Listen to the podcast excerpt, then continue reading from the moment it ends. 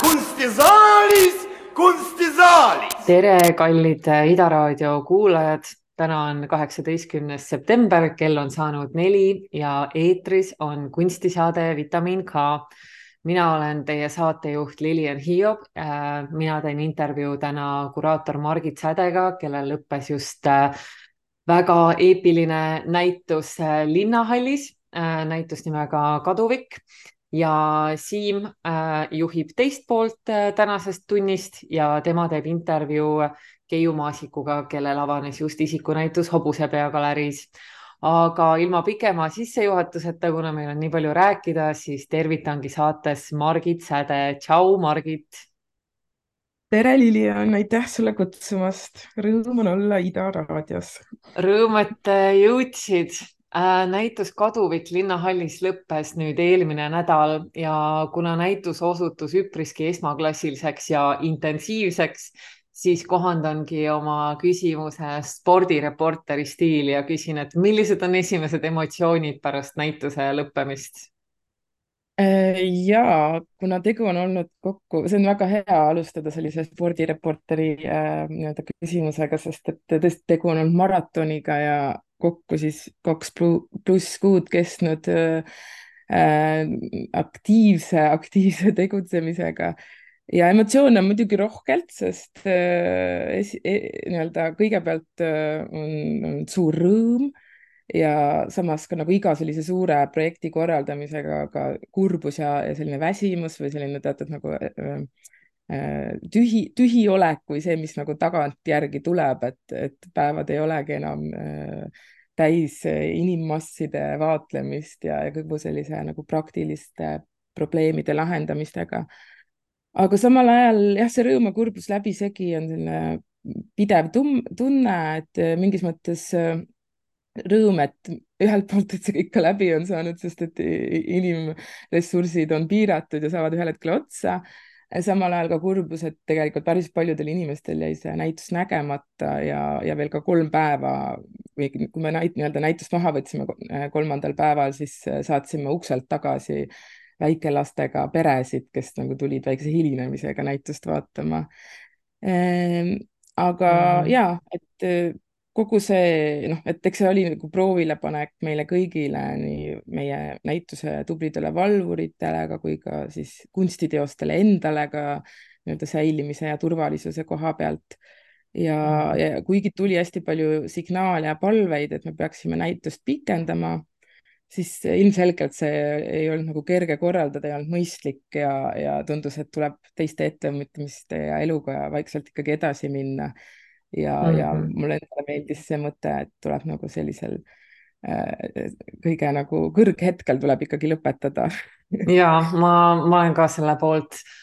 kas sul on juba numbrid ka, et kui palju külastajaid seal kokku käis ja kas sa arvad, et seda võiks pidada Eesti kunstinäituste külastamise rekordiks, et ma tean või mul endal tuleb ette, et viimati nii-öelda järjekorraga näitust äh, on nähtud äh, Flo Kasearu aktsiooni ajal kaks tuhat kümme kunstihoone ees.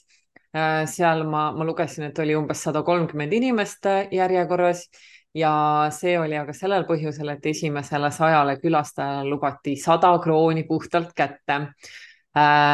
ja jah, erinevalt siis näitusest äh, Kaduvus, kus külastajale kehtis sümboolse viieka eest ka pilet. et muuseas ka Flo Kasaru aktsiooni mõte oli inimesi innustada kunstinäituseid ja kunstihoonet külastama, et ilmselt äh, ka Linnahalli näituse puhul nii-öelda üks võimestas äh, teist, et see ruum näitust ja näitusruumi. aga ja, kas sa tead, kui palju külastajaid käis? ja noh, see lõplik äh, statistika on tegemata, aga niimoodi esmapilgul me lõime arvud kokku, on, on circa kaheksateist tuhat Vau, mm,. jah, noh, sinna, sinna käivad kõik need ei ole inimesed ei ole piletit maksnud, et äh, EKA tudengid äh, ja, ja, ja lapsed mingis vanuses on tasuta, et nemad peaks ka seal numbri sees olema. ma ei tea tegelikult Eesti statistikat ausalt öeldes, ma üritasin nagu vaadata, et, et Sitovi näitus on olnud vist nagu väga kõrge külastavusega, aga see ei ole kaasaegne kunst. ja samuti see kestis kolm kuud, et kui me oleksime kolm kuud hoidnud lahti, siis me tõenäoliselt oleks need Sitovi külastaja rekordid kõrgelt, kõrgelt nendest möödunud, aga, aga ma kujutan ette, et jah, et see, mis sa mainisid, et see ruum võimestas kunst ja kunstruumi, et noh, ma ise tegelikult väga nagu raske on linnahalli avada lihtsalt niisama, et, et, et mulle praegu tundus, et kunst oli nagu ainus viis seda, seda ruumi või seda juurdepääsu kuidagi nagu teha, et sellel on ka mingi loogika ja mõte, et, et sa ei näita lihtsalt nii-öelda seda, seda hävingut nagu lihtsalt niisama, et vot selline on, et noh, kunsti kaudu või kunsti, kunsti kaudu oli ikkagi seda ruumi äh, nagu mõtet avada ja ta pakkus noh, erinevaid kogemusi ja keda huvitas maja rohkem eh, läbis selle kiiremalt ja,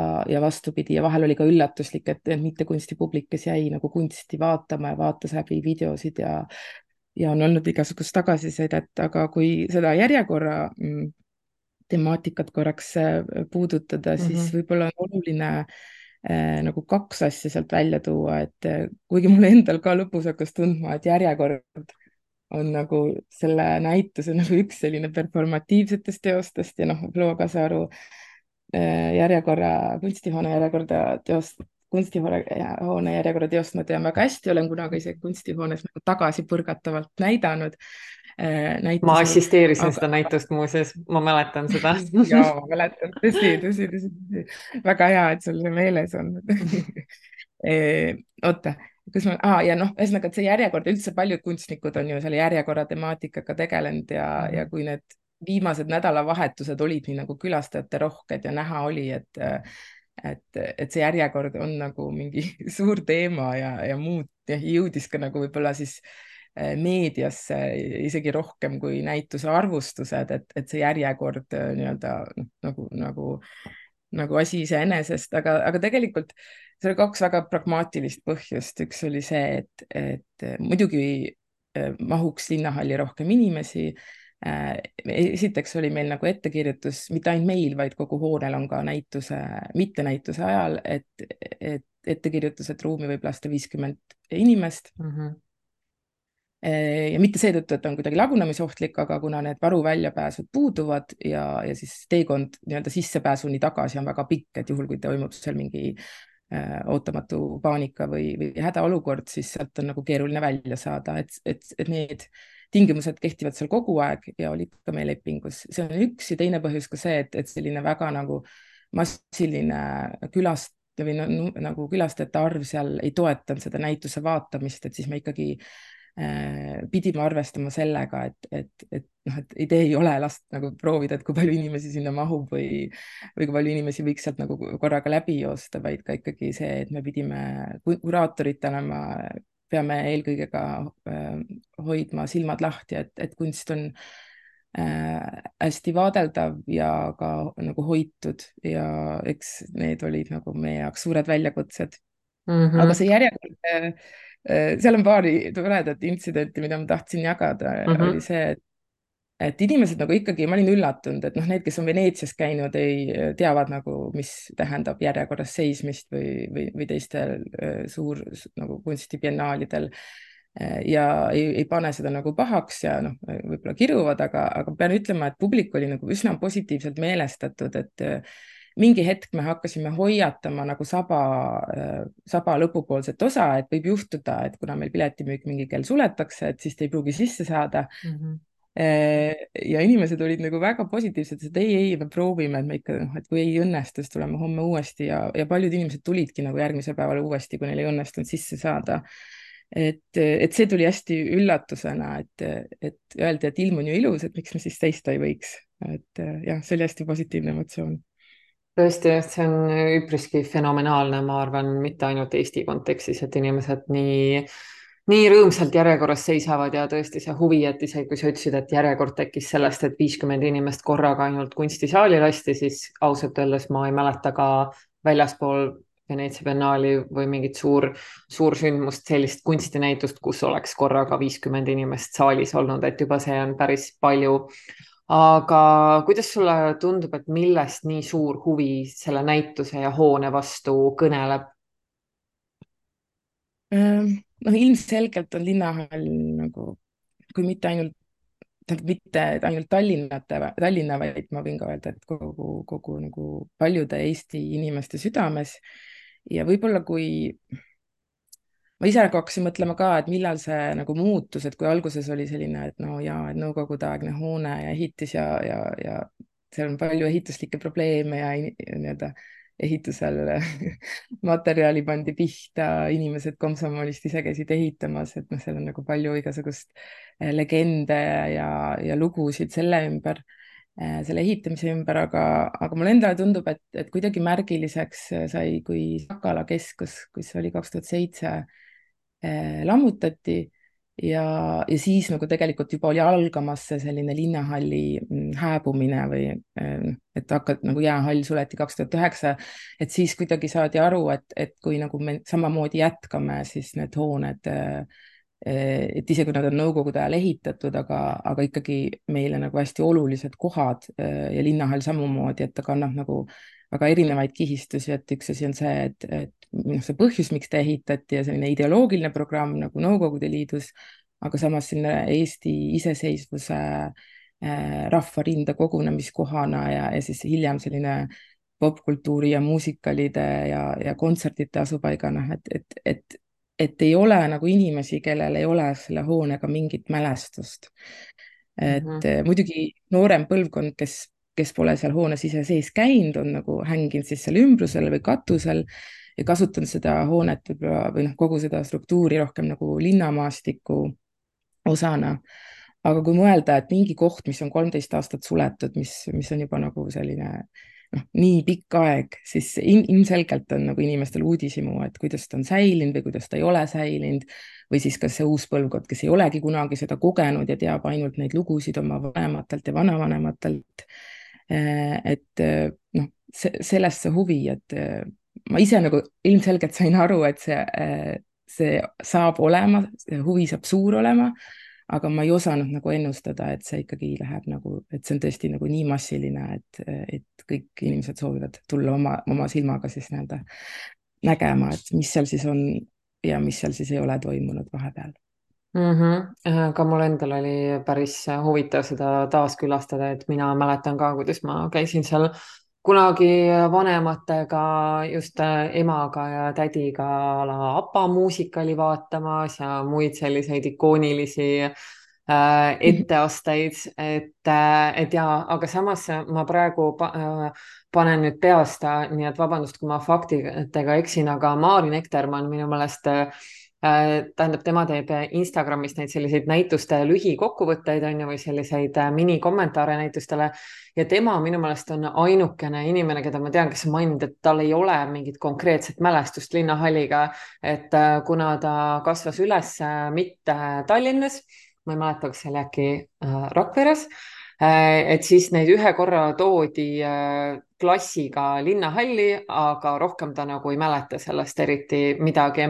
et sina just mainisid ja ma ise ka nagu arvaks, et kõikidel inimestel on mingisugune mälestus või, või mingisugune niisugune intensiivne kogemus selle linnahalliga, et äh, kuidas sul endal on linnahalliga -hmm. mälestused mm? -hmm ja ma ise ei ole ka Tallinnas kasvanud ja tegelikult, kui ma nagu mõtlesin tagantjärele, siis nii-öelda varasemas äh, lapsepõlves ma ei olnud ise linnahallis käinud, aga kõiki neid linnahalli kontserte kanti üle ETV-s mm. ja kõiki neid üritusi, et keda huvitab, need on nagu äh, ERR-i arhiivlehel kõik nagu kättesaadavad, et alguses ma, oli plaan ka nagu teha nendest üks selline nagu arhiiviteos, äh, selline äh, päästik mälestuste päästik, aga selleks nagu ei olnud õiget head kohta ja ruumi, aga lõpuks aega, sest seda materjali nii palju, et ma nagu rindistasin seda tunde, erinevaid väljavõtteid, et oli see mingisugune Lego promo, noh, see oli juba üheksakümnendate alguses, kui Eesti oli iseseisev, Lego promo äh, mingi üritus seal fuajees või kõik Eurovisiooni äh, kontserdid või, ja siis ka kõik noh, mis iganes bändid, Ivo Linnad ja Anne, Anne Veskid ja mis, mis kõik noh, et, et see kõik tegelikult algas äh, sellise lausega, et salvestus otse linnahallist või, või isegi need mingid linnahallist helistuudio mm, äh, lindistused ja kuidagi nagu mul oli küll nagu tead, teadmine selle koha olemasolust äh,, isegi nagu kuskilt äh, äärealal elades, et noh, ma kasvasin Võrus üles äh,. Ja mina sattusin Linnahalli kontserdile alles aastal kaks tuhat kolm. Ähm, aga muidugi ma olin nagu noh, ülikooli ajal äh, seal päris palju aega veetnud ja päikseloojangud ja meri ja noh, selline nii-öelda äh, selle välise avaliku ruumina nii-öelda kogenud seda, aga, aga mul on hästi meelde jäänud siis äh, noh, minu meelest see oli vist, ma ei ole sada protsenti kindel, aga vist oli PÖFFi, PÖFFi raames linastus seal Philip Glassis ähm, Kojanis Katsi või noh, tema nagu kontsert äh, siis Philip äh, Kojanis Katsi filmile aastal kaks tuhat kolm. Ja, ja sellest jäi nagu täiesti ebarealistlik mälestus, sest et noh, see, see saali suurus ja, ja massiivsus ja teatud selline äh, nagu pidulikkus ja, ja kõik need, need istmed ja see valgus ja Philip Glassi orkester nagu ise seal äh, äh, laval ja, ja film seal taustal, et noh, sellest jäi, see jäi kustumatu mälestus. ja ma ise nagu tagantjärgi olen hakanud mõtlema, et see noh, kogu see Kojanis Katsi filmi nägemine seal võib-olla juba kuidagi nagu alateadlikult mingisuguse seemne istutas, sest et, et see tähendab ju ise on ju Hopi indiaanlaste keeles tasu, tasakaalust väljas elu ja noh, kuidagi, kuidagi ma tunnen, et needsamad teemad kajavad läbi ka või noh, see selline nagu üleüldine inimtsivilisatsiooni ja looduse suhte teema on nagu, on ka nagu meie näitusel, äh, mis on siis koostöös Kristina Grigorjevaga kureeritud, hästi, hästi palju kohal. Ja noh, see oli ju juba kakskümmend aastat tagasi, aga tänapäeval need teemad on nagu täiesti võimatud nagu vältida. Ja mm, ja kogu see selline mm, noh, nüüd ma juba, juba hüppan edasi selline koos eksisteerimine meie keskkonna ja, ja nii ehitatud keskkonna kui loodusliku keskkonnaga äh, kuidagi selles filmis tuli nagu ka väga äh, tugevalt esile.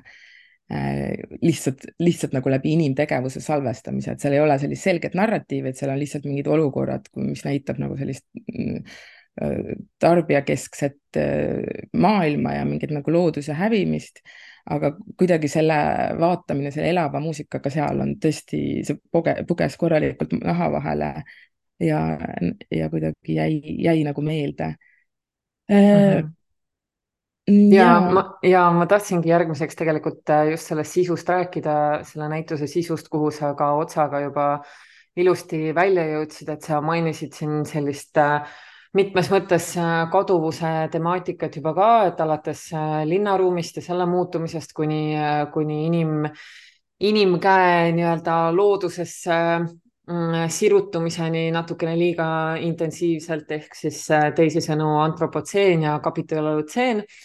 aga minu meelest selle näituse puhul oligi hästi huvitav see, et te olete koos oma kaaskuraatori Kristiina Grigorjevaga kuidagi osavalt vältinud sellisesse emotsionaalsesse nostalgiasse laskumist ja seal ei ole nagu esil sellised isiklikud mälestused või, või siis äh, selline igatsus või kriitika antropotseeni ja inimes, inimtegevuse vastu, vaid äh, kuidagi kuidagi jah, et, et need asjad on nagu hästi lihtsad juhtuma, et sellise hästi emotsionaalselt neile lähenetakse, aga te olite osanud seda kuidagi vältida et kas see oli selline teadlik positsioon või, või see oli lihtsalt äh, äh ideaalne kaaskuraatorlus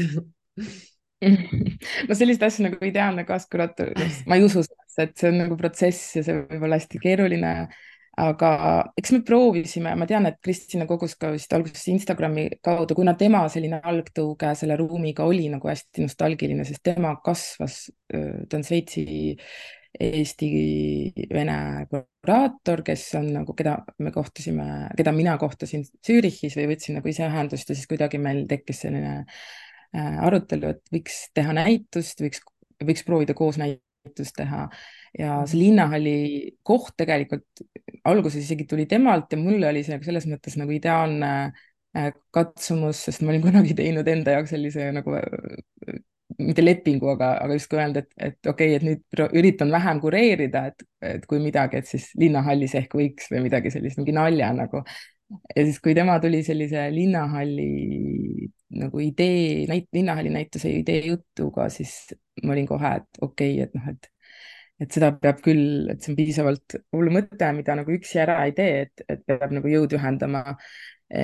Aga ja et kõik see isiklikud nagu ajalood, noh, me saime nagu ruttu aru tegelikult, et alguses äh, Kristina kogus neid Instagramis ja ta sai mingeid nagu erinevaid äh, sisendit ja noh, aga sa saad aru, et neid on nii palju ja neid on võimatu koguda, et, et, et ükskõik, mis me nagu välja toome, et see ei, see ei ole nagu, et, et noh, et see on nii raske, seda on, seal on nii palju materjali, et me ei suuda sellega niimoodi töötada. ja, ja kas on ka vaja, et siis tekkiski see tunne, et, et, et kui me nagu et tegelikult seesama ruumis viibimine on mingis mõttes niisugune päästik on ju erinevale mälest, mäletamisele ja unustamisele. et, et see siis tekkiski kuidagi pigem areng selles suunas, et, et, et iga inimene nagunii äh, siseneb sellesse ruumi oma, oma mingi mälestuste pagasiga ja võimendama, noh, jääb just siis see, mida ta ise nagu soovib seal äh, viibides võimendada, et selline näituse vaataja nagu agentsus, noh, seda võib ka kritiseerida või keegi on nagu äh, või noh, et kindlasti on nagu erinevaid lähtepunkte sellele, et seda on kerge nagu ka õõnestada, seda positsiooni, et kui me ütleme, et me tahtsime tegelikult anda ka külastajale nagu rohkem sellist äh, agentsust, neid samu, mis iganes, kas mälestusi või, või, või mitte oma, mitte mäletamist nagu võimendada eh,. seesama nagu taskulambi andmine ja et see, et inimene nagu valib ise mingisuguse tempo ja, ja, ja vaate, et mida ta, mis järjekorras ja, ja kuhu ta selle valgusvihu suundab, suunab. ja, mm, ja, ja milline siis tegelikult on see tema suhe ruumiga. Mm, ja, ja see ka, et need teosed võib-olla ei annagi, noh, et, et, et seal tegelikult on see aeg on nagu vajalik, et see nagu igal näitusel, et sa pead nagu võtma mingi aja, et nad, et nad kohe ei annaks ennast nagu liiga kiirelt kätte, noh muidugi oli ka teoseid, mis võib-olla nagu olid teistsugused, aga ikkagi see selline avanemine ja, ja ruumi nagu sulandumine ja ruumiga nagu ruumis viibimine nagu noh, toimub samm-sammult ja, ja, ja seda ei saagi nagu võtta nagu hoonest läbi tormates või, või sa ei saa hoopis teise kogemuse. aga mm, kas sa vist küsisid midagi muud ja ma vastasin midagi muud ei, äh, sa vastasid äh, väga hästi ja ma tegelikult äh, mõtlesingi küsida järgmiseks, et kas teil oli sellises vormis kureerides ka eeskujusid, et kellel või kus selline formaat on väga hästi õnnestunud, et, et just see koha spetsiifika, et okei okay,, et off-site näituse pinnad on trend juba mõnda aega, on ju aga midagi muud on kureerida näitust hoones, mille kohta kohalikul elanikkonnal on hästi tugev enda arvamus, mälestused, assotsiatsioonid äh, selle kontekst, minevik ja habras tulevik äh, teeb sealses hoones näituse kureerimise äärmiselt keeruliseks. Ja neid teemasid sa juba natukene puudutasid ka, kuidas te just andsite publikule selle agentsuse ja minu meelest see tuli teil täiesti suurepäraselt välja et, et ja, et kas teil oli mingeid eeskujusid või mingeid hästi õnnestunud näiteid ka varasematest taolistest äh, kuraatori projektidest? Mm, ja ma oskan siin nagu enda, end ühe inspireeriva mm, no see on küll nagu teos, aga see äh, välja tuua, aga Kristina kohta ma hetkel nagu ei tea, me tegelikult sellest, me väga palju ei rääkinud sellest, et mis on olnud äh, või et mida me oleme näinud, aga korraks tuli küll äh,, ma ise mainisin meie diskussioonides äh, Pierre Wiigi äh, skulptuurprojekt Münsteril oli kaks tuhat seitseteist selline mis juhuslikult toimus ka jäähallis, aga see jäähall oli vist veel suletud kaks tuhat kuusteist ja näitus toimus kaks tuhat seitseteist, et ta ei olnud nagu veel maha jäetud ja nagu nii-öelda lagunenud, aga noh, ta oli nagu lagunemas struktuur. selle pealkiri oli After a life ahead, et see oli küll nagu ühe kunstniku selline nii-öelda siis totaalne installatsioon, kus kus oli ka see, noh, kuigi ma pärast sain teada, et seal oli ka mingi veel virtuaalne reaalsus ja noh, teemad, mis mind nagu ei huvitanud ja mida mina seal nagu mobiiliga ringi ei käinud, aga, aga kõik see, kuidas see oli selline ühtne sensoorne rännak kus, kus oli see ruum ise hästi kohal ja mingid, mingid nagu ka mingi selline nagu äh, agentsus lo, nagu loomariigi ja mingid bakterid ja mingisugust nagu ütleme pool nähtamatut ja arusaamatut, aga kuidagi väga-väga täpselt tuunitud nagu kogemus ja, ja, ja noh, mingid hetked, muidugi need eelarved olid väga teistsugused, ma tean äh, selle teose äh, maksumus oli üle poole miljoni. Ja noh, seal oli mingi selline struktuur, et, et ka käis nagu äh, lagi avanes äh, nagu mingi kosmoselaev ja siis sadas vih, sealt vihma sisse, noh, kui reaalselt vihma sadas, kui ei sadanud, siis ei sadanud. Ja, ja oli seal mingid nagu ka mingid äh, putukate, bakterite sellist nagu nähtamatut elu ja väga-väga täpselt tuunitud äh, heli, äh, mis oli nagu nii täpne, et sa ei saanudki aru, et kust ja mis see tuleb, et see oli noh, täiesti nagu see, et ta hingas, hingas kaasa selle kogu selle nii-öelda see installatsiooniga. ja mind kindlasti jäi, oli see jäänud mõjutama, sest ta oli nagu noh, küll väiksem, aga ka massiivne koht. seal oli ka pikk järjekord, sest kõik tahtsid näha seda ja seal, seal jäi, noh, see, see jäi mind kummitama ilmselgelt ja kui ma nagu Linnahalli näituse, kui me hakkasime koos sellega tegelema, siis mu esimene reaktsioon oli see, et, et me ei tohiks üritada teha seal sellist valgekuubi näitust, et noh, on ju palju lahedaid näitusid, ka Survival Kit on nagu hea näide ja seal vahel tulevad asjad rohkem välja ja vahel on nagu liiga see, et, et viime kaasaegse kunstinäituse mingisugusesse off-site'i. Äh, aga, aga kuna see ruum, nagu sa ise ütled ka, on nii, nii loaded ja nii mitmekihiline, siis, siis mul tekkis tunne, et nagu see, see, selle töötamine nende mälestuste ja mikrokliimaga ja kõigega sellega, mis seal on, on nagu ainus viis, sest et noh, ilmselgelt see kunst ja see keskkond nagu liiga palju peavad võistlema omavahel, et siis tekkiski tunne, et okei okay,, me peame nagu kõik tooma nagu osa sellest keskkonnast. noh, muidugi mõni teos on nagu rohkem, tõuseb pinnale, et näiteks Patrick Stuffi see LED-ekraanil nagu teos Veenusel on, on nagu üsna nagu äh, selline, seda rahu seal rikkuv ja, ja, ja Liisa Hirši äh, nagu see nii-öelda lend klaver, lendklaver või klaver, mis on justkui kas kuskilt kohale lennanud või kohal kuskilt või, või sealt lendu tõusmas äh,. nagu pigem nagu muutub natuke nagu näituse soundtrack'iks või selline ka äh, on nagu palju, palju peenemad nüansid ja palju nagu teistsugusem tunnetus, et, et me natuke nagu lõime mingit äh, loogikat ja sellist nagu koos eksisteerimist ja hingamist nagu teoste ja, ja hoone vahel ja siis vahel ka tekkis nagu ikkagi, et okei okay,, me peame seda lõhka samuti nagu lõhkuma. Äh, ja jah, ja nii see nagu tekkis, et, et, et, et selline nagu hargnevate teede aeg, kus siis ikkagi oleks palju, palju erinevaid teeotsi, mulle tundus, on nagu ainus viis minna, et ei ole sellist ühte suurt narratiivi, et noh, hoone on massiivne see on seal see on füüsiline kogemus ja et kuidas me seda nagu, kuidas me seda teeme nii, et seal hoones kauem ollaks, oldaks, kuidas me teeme seda, et, et, et sa nagu tegelikult tahad ka rohkem mm, nagu, ma ei tea, tunnetada seda kohta. Ehm, ja jah, ja see. ja see nagu tunnetamine kuidagi tuli sealt väga hästi minu meelest välja, et siis kui mina olin seal näitusel mõnda aega viibinud koos oma, koos oma elukaaslasega, kellega ma seal näitusel käisin, siis äh, mu elukaaslane ütles mulle üks hetk, et kuule, et see on päris hea arv, arvutimängu level, kus me praegu oleme. Et äh, tõesti selline tunne tekkis, et sa oled nagu füüsiliselt ja vaimselt sisenenud kuskile täiesti mingisugusesse teise aegruumi ja, ja sul on nagu võimalus seal kuidagi natukene nagu kohandada seda kogemust, aga samas sul on mingisugused nii-öelda NPC-d ehk siis non-playable character'id nagu seal niikuinii olemas. et äh, selles mõttes, et see niisugune füüsiline kogemus ja samas see, see niisugune teatavad mingisugused omad mälestused, mis sinna nagu teise kihina peale tulevad, see kuidagi toimis minu meelest väga hästi ja tõesti see oli nagu selline natukene postapokalüptiline äh, videomäng, kuhu, kuhu oli õnnestunud kuidagi mingil imelikul anomaalia kaudu nagu ise füüsiliselt sattuda äh,. et, et ja, aga ma mõtlesin veel seda, et meie aeg saab tegelikult kohe läbi, kuigi ma tahaks sinuga veel umbes pool tundi vestelda.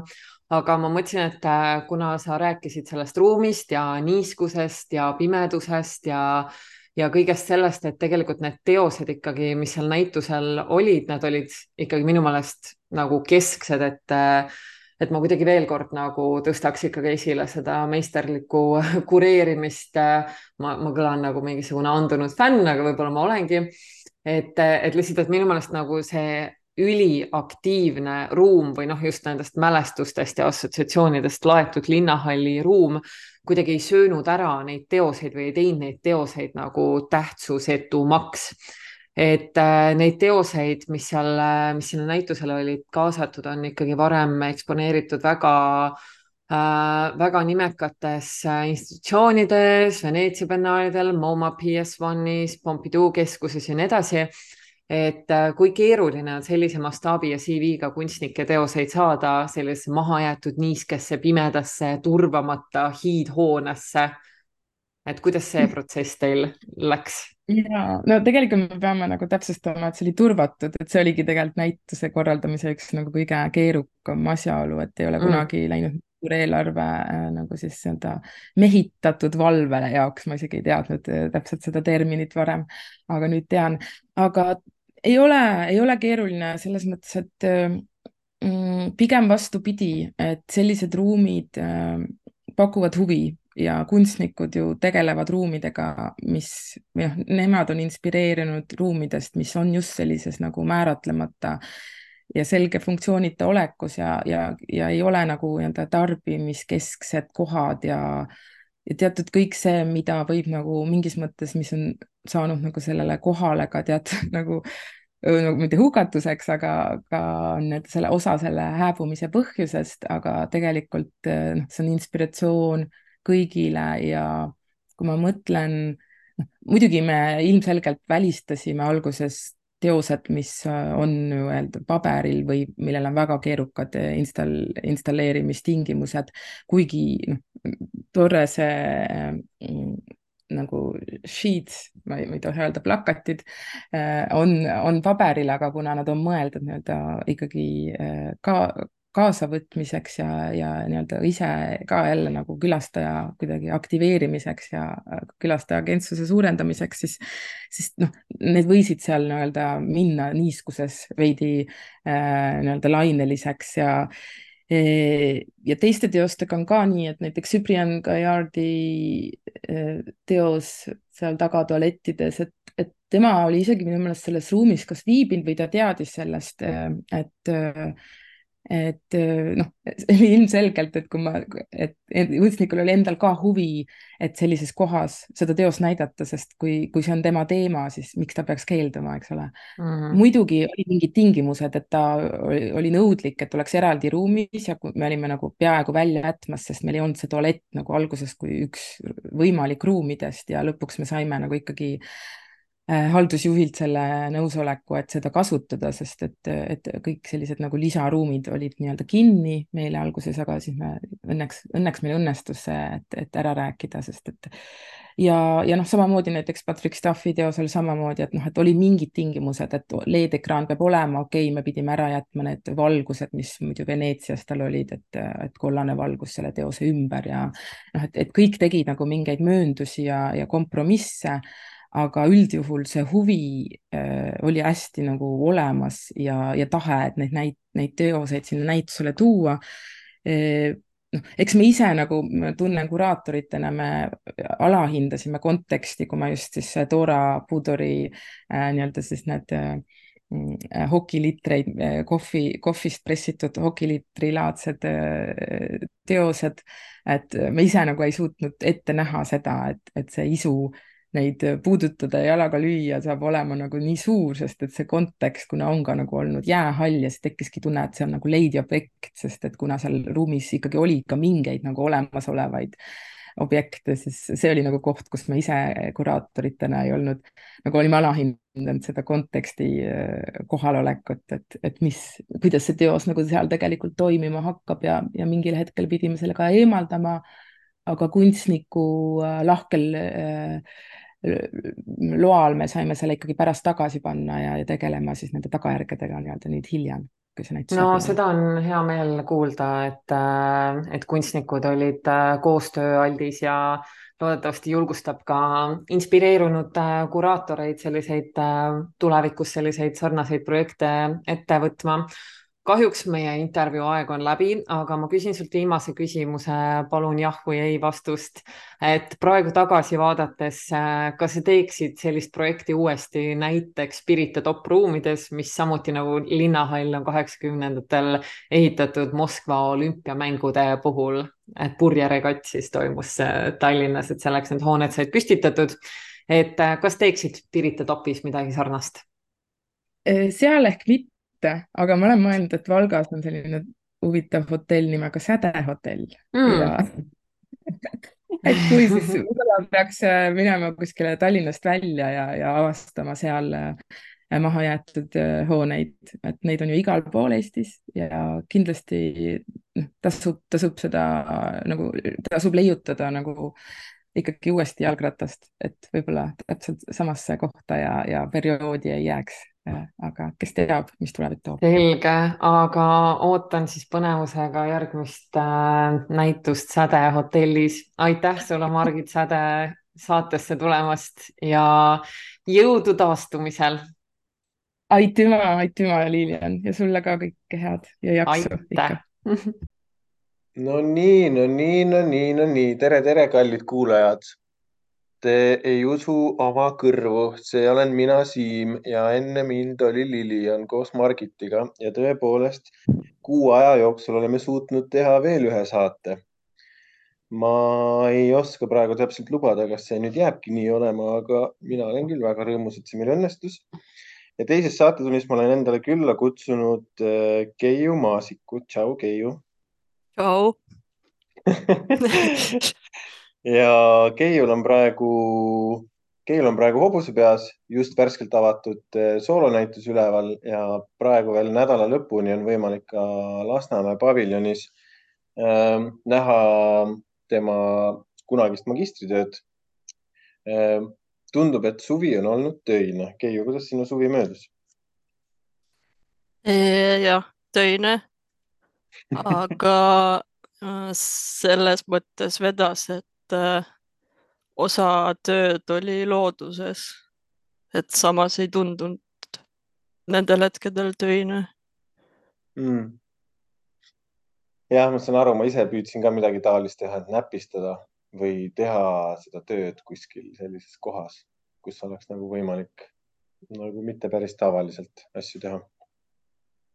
ei, ma olin kus... lihtsalt sunnitud, pidin nendel hobustel järel käima muidu ma ei oleks läinud, ma arvan.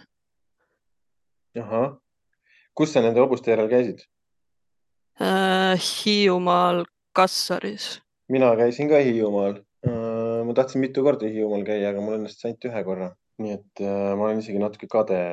aga enne kui me jõuame selle hobusepea näituse käsitlemiseni, ma tahaks alustada kuskilt äh, kaugemalt. nii et mul oli selline küsimus, et äh, kumb tuli sinu ellu enne, kas videomängud või kunst? videomängud. jah? jah. mis on esimene videomäng, mida sa mäletad? kas sa mängisid ka Simsi või? Tetris võib-olla oli enne Simsi. ja siis äh, lükkas Sims Tetrise pikaks ajaks troonilt. jah. see on kuidagi väga, see Sims on nagu mingi tõeline meem nagu selles mõttes, et on nii palju inimesi, kes äh, võivad rääkida tundide viisi Simsist. Age of Empires oli ka, see sobib ka minu arust, ma olen kuulnud, et paljud tüdrukud mängivad. seda ma ei mänginud, see on see, et sa pead küla ehitama ja siis sõdurid ja siis mm -hmm. pidama ja siis vallutama kõrval külasid ja. jah. siis ma olen õigesti aru saanud. Civilizationit ma mängisin küll. see on midagi sarnast. seda ma ei ole mänginud okei okay,, videomängud tulid enne, aga mis hetkel nad nagu kokku said, videomängud ja kunst sinu jaoks?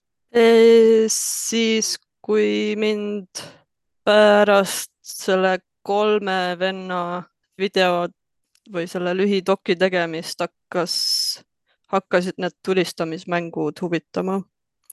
et ma ei olnud kunagi suutnud neid enne mängida, ma olin väiksena proovinud mingit tuumi ja ma ei tea, mis asju, aga see oli kõik liiga, ma võtsin liiga rea realistlikult seda või väga kartsin mängida neid. ja siis ma mõtlesingi, et ma proovin uuesti mingi kolm aastat tagasi. mõtlesin, et äkki ma saan, saangi nagu kunsti jaoks mingisuguseid mõtteid sealt.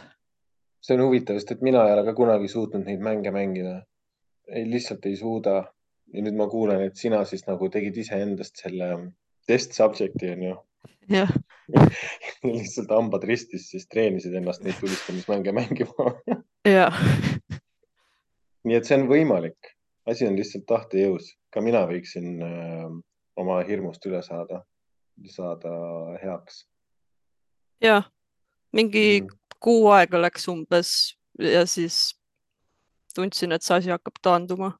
Okei okay,, ma olin selle täitsa ära unustanud, ma alati nagu arvasin, et, et sa olid mängur enne, aga, või noh, just see tulistamismängur enne, aga tuleb, nüüd tuleb välja, et oli hoopis vastupidi Mhm. kuna ma ei ole suur mängur ja ma olen ka nagu sotsiaalmeedia ühe, ühesõnaga kokku üldse virtuaalmaailma suhtes nagu ettevaatlik ja see on nagu kahel põhjusel, et üks on nagu, üks on see, et ma tunnen nende asjade nagu sõltuvust, ma ei tea, kas sõltuvust tekitav on nagu muidugi väga nagu karm asi, mida öelda, aga ühesõnaga ma tunnen seda, kuidas nad nagu mind konksu otsa võtavad ja, ja ma nagu üritan sellepärast nagu teadlikult neid asju nagu vältida. aga kuna hästi palju on spekuleeritud selle üle, et näiteks vägivaldsed mängud süvendavad äh, vägivalda ühiskonnas ja nagu igasuguseid äh, noh, ma ei tea, kõiki neid, igast vaata neid nagu hirmulugusid, ma mäletan juba lapsepõlvest umbes, kui ma vaatasin Tommi ja Jerryt ja midagi taolist, et siis nagu kuidas räägiti neid lugusid, et on mingid väiksed lapsed, kes pussitavad oma pereliikmeid surnuks, sellepärast et nad näevad nagu multikatest neid asju. et mm. -hmm. kas sina usud, sest ma tean, et sa käsitlesid seda teemat ka selle kolme venna tegemisel nagu oma magistritöös, et, et kuidas sinu meelest need asjad on, et kas see, kas see nagu vägivald ühiskonnas saab äh, sellisest kultuurist või vägivaldsest meediast nagu hoopis hoogu juurde või pakuvad need mängud hoopis mingisugust ventiili või mingit äh, tasakaalu nagu sellele? ja ma kaldun sinna ventiili poole. et need pigem vähendavad päriselus vägivalda. aga sellega on ka see, et äh, siis äh, ma ei tea, vägivald või mm, kiusamine tegelikult ju kolib sinna virtuaalmaailma edasi lihtsalt kohati. et on hästi palju statistikat, mis nagu toetab seda poolt, et äh, vägivald väheneb, kui äh, inimesed neid vägivaldseid arvutimänge mängivad. aga jah, sellel on nagu see teine pool ka. pluss seal on veel siis see tärn, et, et väga noored lapsed vist ikka ei peaks äh, selliseid mänge mängima. Väga raske on leida nagu alternatiivseid mänge, ma olen praegu ise äh, oma pojaga nagu selles nagu plindris, et võib-olla sa oskad mulle siin anda soovituse. et äh, non-violent äh, sandbox mängu otsin ja GTA-ga on niimoodi, et nagu jah, sõida, sõidame linnast välja, lähme maale, mingi ronime mägedes mis iganes, onju. siis tuleb seal mingi puuma mulle kallale, rebib mu tükkideks, onju siis äh, ja siis ma lähen korraks, näen kõrval tuppa ja siis ta on juba hiirerullikuga endale mingisuguse automaatrelva kätte saanud. et äh, ma ei tea, ma leidsin niisuguse mängu nagu, mis on see Untitled Goose Game või? ühesõnaga, kus sa oled nagu hani ja kiusad inimesi, see on Ahah. nagu, see on päris nagu lahe perspektiiv või noh, nagu alternatiiv, aga et, et tegelikult mulle tundub, et äh, võib-olla ma ei ole selles maailmas nagu piisavalt sees, aga mulle tundub, et nagu häid, mitte vägivaldseid selliseid mänge on ka nagu vähe või? või võib-olla ma lihtsalt äh, no ma ei ole sellistest mängudest hetkel väga huvitunud, et äh, võib-olla ma ei ole õige inimene sel teemal rääkima. jah, ja teine asi, mille peale ma olen mõelnud, on see, et, et jah, see on sul õige point, et see kiusamine on nagu liikunud virtuaalruumi, et viimasel ajal nüüd ka, kui on Eestis nagu räägitud äh, nendest äh, noorukite enesetappudest või üldse nagu noorukite äh, vaimsest tervisest. et mm. -hmm. see virtuaalruum, meil alles nüüd hakkab tekkima vaikselt mingisugune distants nagu selle murranguga, mida esiteks tõi nagu internet ja teiseks tõi nagu iPhone'i saabumine, onju. vaikselt nüüd juba tagantjärele, kui sa vaatad kümme aastat tagasi, viisteist aastat tagasi, siis on nagu võimalik juba nagu märgata, et tõenäoliselt seal on nagu mingisugune seos ja see on nagu päris, päris nagu huvitav point tegelikult, mille sa välja tood, et, et kuidas see vägivald nagu muundub või noh, et mingis mõttes me nagu mingist ruumist ta nagu kaob ära, aga siis ta liigub nagu mingisugusesse teise ruumi, et mm. Mhm. ja kui sa eelmisel aastal EKKM-is osalesid seal Marko Laimne kureeritud rühma näitusel, siis sa eksponeerisid ühte videoteost, milles tegid ühe raundi siis PUBG-d mängur Kadi Kuusmanniga. aga kuna nii relvi kui videomänge, mulle tundub, et peetakse nagu eelkõige maskuliinseteks äh, nähtusteks, et siis äh, ma mõtlesin, et äh, kuidas, kuidas sul on nagu, kuidas sinu kogemus on, et kas sa oled oma uurimus või loometööd tehes pidanud ka mingisuguste eelarvamustega kokku puutuma, nagu ma ei tea, kui sa oled käinud lasketiirus või, või kui sa mängid ja seal nagu satud inimestega kokku? Mm, mitte väga palju, mängides küll. Ma sain ka lõpuks oma need vitsad kätte, et ma läksin võõrastega online'is tiimis mängima ja mm, sain jah teada, mis tunne see on naisena. ja, ja teine koht, kus ma aeg-ajalt tunnen sel, neid teemasid, on siis, kui lihtsalt sõpradega, meessõpradega rääkida nendest teemadest, siis alguses eriti, kui ma hakkasin mängima või siis relvateemadest rääkides, et äh, ikka juhtub seda, et minuga räägitakse kui, ma ei tea, kuidagi alamaga või et ma ei saa asjadest aru ja mis võib ka sellest olla, et ma olen lihtsalt uus selle teemaga, aga ma ei tea. ma ütleks, et nüüd ma juba, ma olen ikka mitu aastat videomänge mänginud ja mõnikord ma olen rohkem mänginud kui mu vestluskaaslane, aga ikka nagu äh, tuleb sellist. ja mis sa teed selles olukorras? no ma saan aru, et äh, neil lihtsalt, nad ei tea paremini või.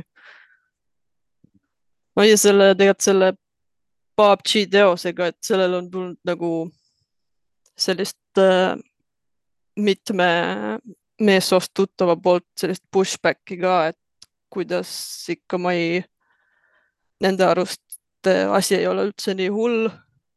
et see, et umbes, et nagu me räägiks seal teosest asjadest kuidagi väga kallutatult, aga tegelikult neil meestuttavatel räägid nendega ja siis saad aru, et neil puudub üldse mingi, nad ei adu nagu, mis tunne naisena on mängida niimoodi online'is.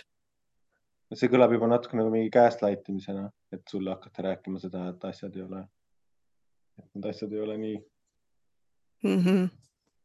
ma mõtlesin selle peale, et äh, see sinu praegu hobuse peas avatud näitus, mille nimi on Muutuste heinamaad, koht nimega kodu kombineerib siis videomänguvaateid fotograafiaga ja kuidagi, ühesõnaga see, kuidas sa nagu pressikas kirjutasid ka seda, seda kappamise kogemust ja mul tuli meelde üks essee Paul Kingsnorthilt äh,. tal on selline kogumik nagu Confessions of a Recovering Environmentalist, mida ma lugesin mingi poolteist aastat tagasi, kui ma olin ise täiesti nagu mustas augus sain sealt nagu tuge ja siis ühes essees ta kirjutab nagu nendest Silicon Valley mingisugustest ettekujutustest nagu tuleviku osas.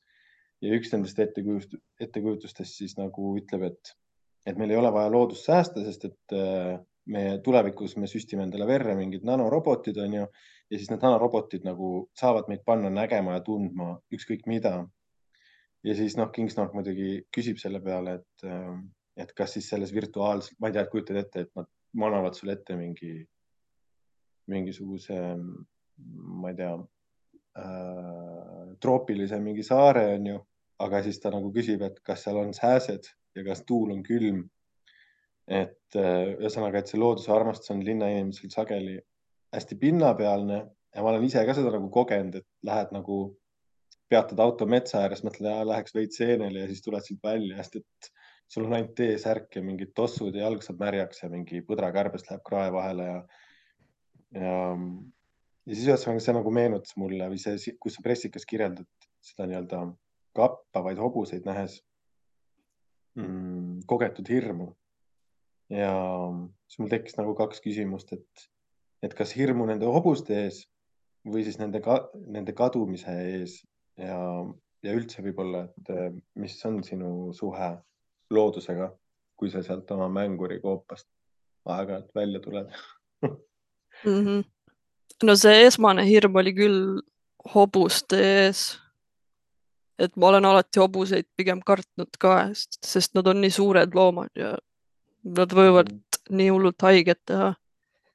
ja ma ei teadnud, kuidas selles olukorras käituda ka, et kui nad minu poole jookseks või. aga siis, kui see asi oli nähtud ja mingi kümme minutit oli mööda läinud, läinud, siis mul hakkas kohale jõudma, et äh, mulle tuli kohe see Red Dead Redemption meelde ja ma hakkasin mäng, mõtlema lihtsalt oma viimaste aastate peale, kuidas ma olen arvutis istunud. et siis mulle jõudis see, see teine hirm hakkas koitma kuskilt, et, et see oli nii võimas, mida ma just nägin ja ma ei suud-, nagu selliseid asju, ma ei kujuta ette, kuidas nad kunagi saaks virtuaalsuses manada meile. et nüüd see, et mul on pigem see hirm sees. et kuidas sa saad virtuaalsuses lahti sellest teadmisest, et sa oled tegelikult? me ei võta ju nagu, me ei võta sinna elu sees neid hobuseid kaasa või et need oleksid ainult mingid koodijupid. et need on mm -hmm. nagu tegelikult meie kaaselanikud siin maa peal aga kuidas me läheme sinna virtuaalsusesse, siis me oleme seal üksinda tegelikult võib-olla niimoodi ilma loomade ja taimedeta mm. -hmm. aga ma lihtsalt mõtlen, et seal on ka nagu see vahe vist, et äh, käisin telkimas ja telk, panin telgi sellise koha peale, kus ei olnud levi ja siis ma istusin seal niimoodi, et mingi pool tundi ma üritasin seda levi kätte saada. ja siis lõpuks andsin nagu alla ja siis tegelikult nagu, kui järk-järgult nagu ununes nagu see ühendus ja süvenes nagu see kohalolu. ühesõnaga mm -hmm. see mhm. suvi oli mingi niisugune kogemus, see oli kuidagi nagu nii, see oli kuidagi nii suur kogemus minu jaoks, ma olin lihtsalt seal telgis, mõtlesin, et aa, ma olengi siin. Et see on mingi koht, mis on eemal teistest kohtadest ja kus ma olen eraldi ja ma olen siin ja see on päris koht ja ühesõnaga siis ma nagu mõtlen, et selles virtuaalsuses ka, et, et kas ta saab nagu töötada tegelikult mingi aseainena, kui sa mitte kunagi ei saa lahti sellest tundest ja teadmisest, et ma olen tegelikult oma elutoas või kapslis või whatever, mis kohas sa siis oled, onju, või. sellepärast mul see Red Deadi seos tekkis ka, et ma olin lihtsalt mitu kuud, ma ei olnud seal kinni, ma tegelikult tahtsin seal ise olla ja ma käisingi, ma ei teinud isegi seda noh, neid äh, põhimissioneid seal või ei teinud seda, äh, seda story't, mis mul oli ette antud nii väga, vaid ma käisin jahil ja, ja otsisin mingisuguseid ilusaid loodusvaateid, käisin mingisuguseid taimi korjamas, et mulle meeldis just looduse pool, et kui palju seal oli sellega vaeva nähtud ja, ja ma väga nautisin seda, et ma sain olla mingises, jah, ma sain mingises kohas olla, kus ma kuhu ma niisama võib-olla ei satuks, ma ei tea. aga sa nautisid ikkagi seda, et kuidagi seda tööd seal taga või seda, seda, millena ta näib? nagu vau, ta on nagu, ta on. ei, ikka pigem jah, seda, et millena ta näib, et ma lihtsalt kappasin seal ringi tihti hästi sihitult ja hea, hea oli olla mm. -hmm. ma jäin mõtlema selle peale, et see on alati nagu noh, iga küsimus, iga, iga kunstniku või kunstilooja käest saab seda nagu küsida, et aga, et kuidas sa mõtled nagu publiku peale, et praegu näiteks ma jäin mõtlema selle peale, et äh, eriti näiteks, kui sa tegeled sellise, sellise teema või sellise kõrvutusega nagu praegusel hobuse peas. naljakas, et see on hobuse pea sinu hobuse näitus on hobuse peas ähm,.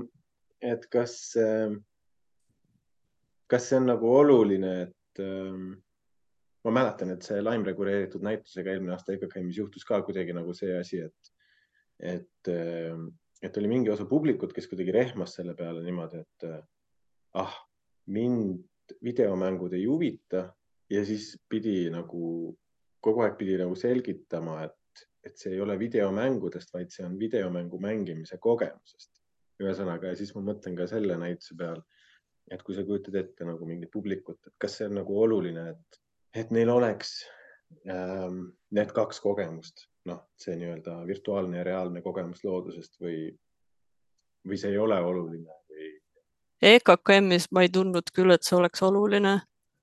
Et ma olen nagu üldiselt varem ka alati, kui ma teen kunsti, siis ma, ma ei tea, millegipärast mõtlen hästi palju sellisele kunsti kaugemale külastajale võib-olla. ja näiteks, kui ma va käisin vanematega seda vaatamas, siis nad ei teadnud midagi arvutimängude maailmast. pärast ütlesid, et, eh, et nad said targemaks, et nad ei teadnudki kõiki neid asju ja tundus, et nagu midagi nad said ikkagi sealt. aga nüüd see näiteks see praegune näitus, ma ei tea, mulle tundub, et eh, see juba läheb natuke rohkem sinna sisse, et seal on kindlasti neil vaatajatel raskem ligi saada, kes ei ole mänginud selliseid mänge.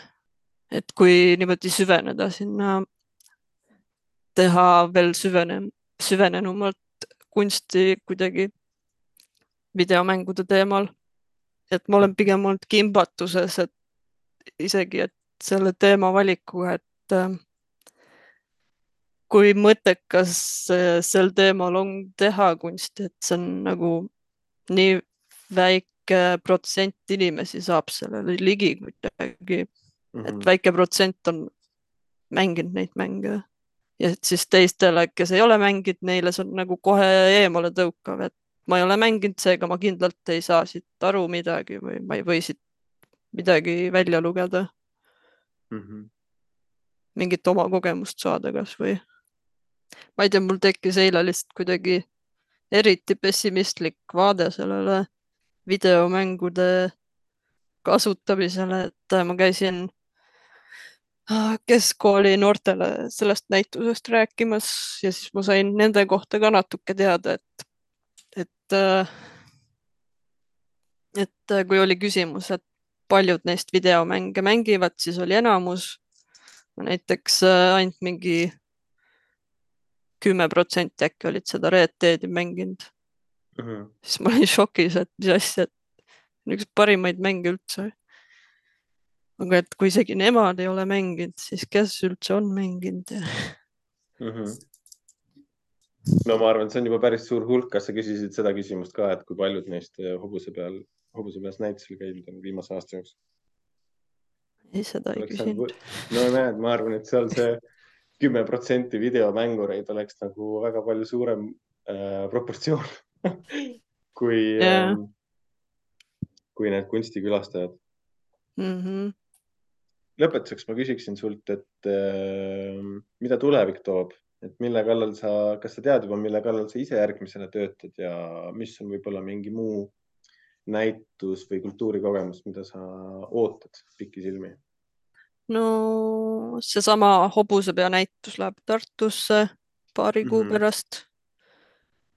ja ma natuke mõtlen, et ma tahan järgmine suvi sinna hobuste juurde minna tagasi Hiiumaale ja edasi pildistada.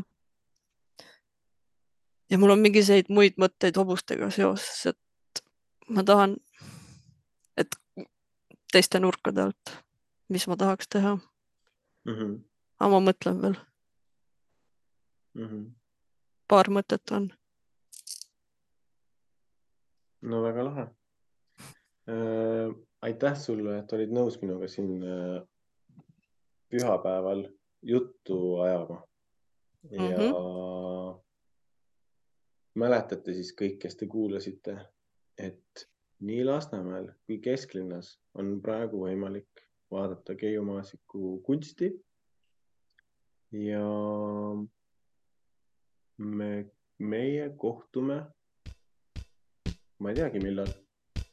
kunagi me ikka kohtume jälle. nii sinuga, Keiu, kui kõikide teiste kuulajatega. Davai, tšau. tšau.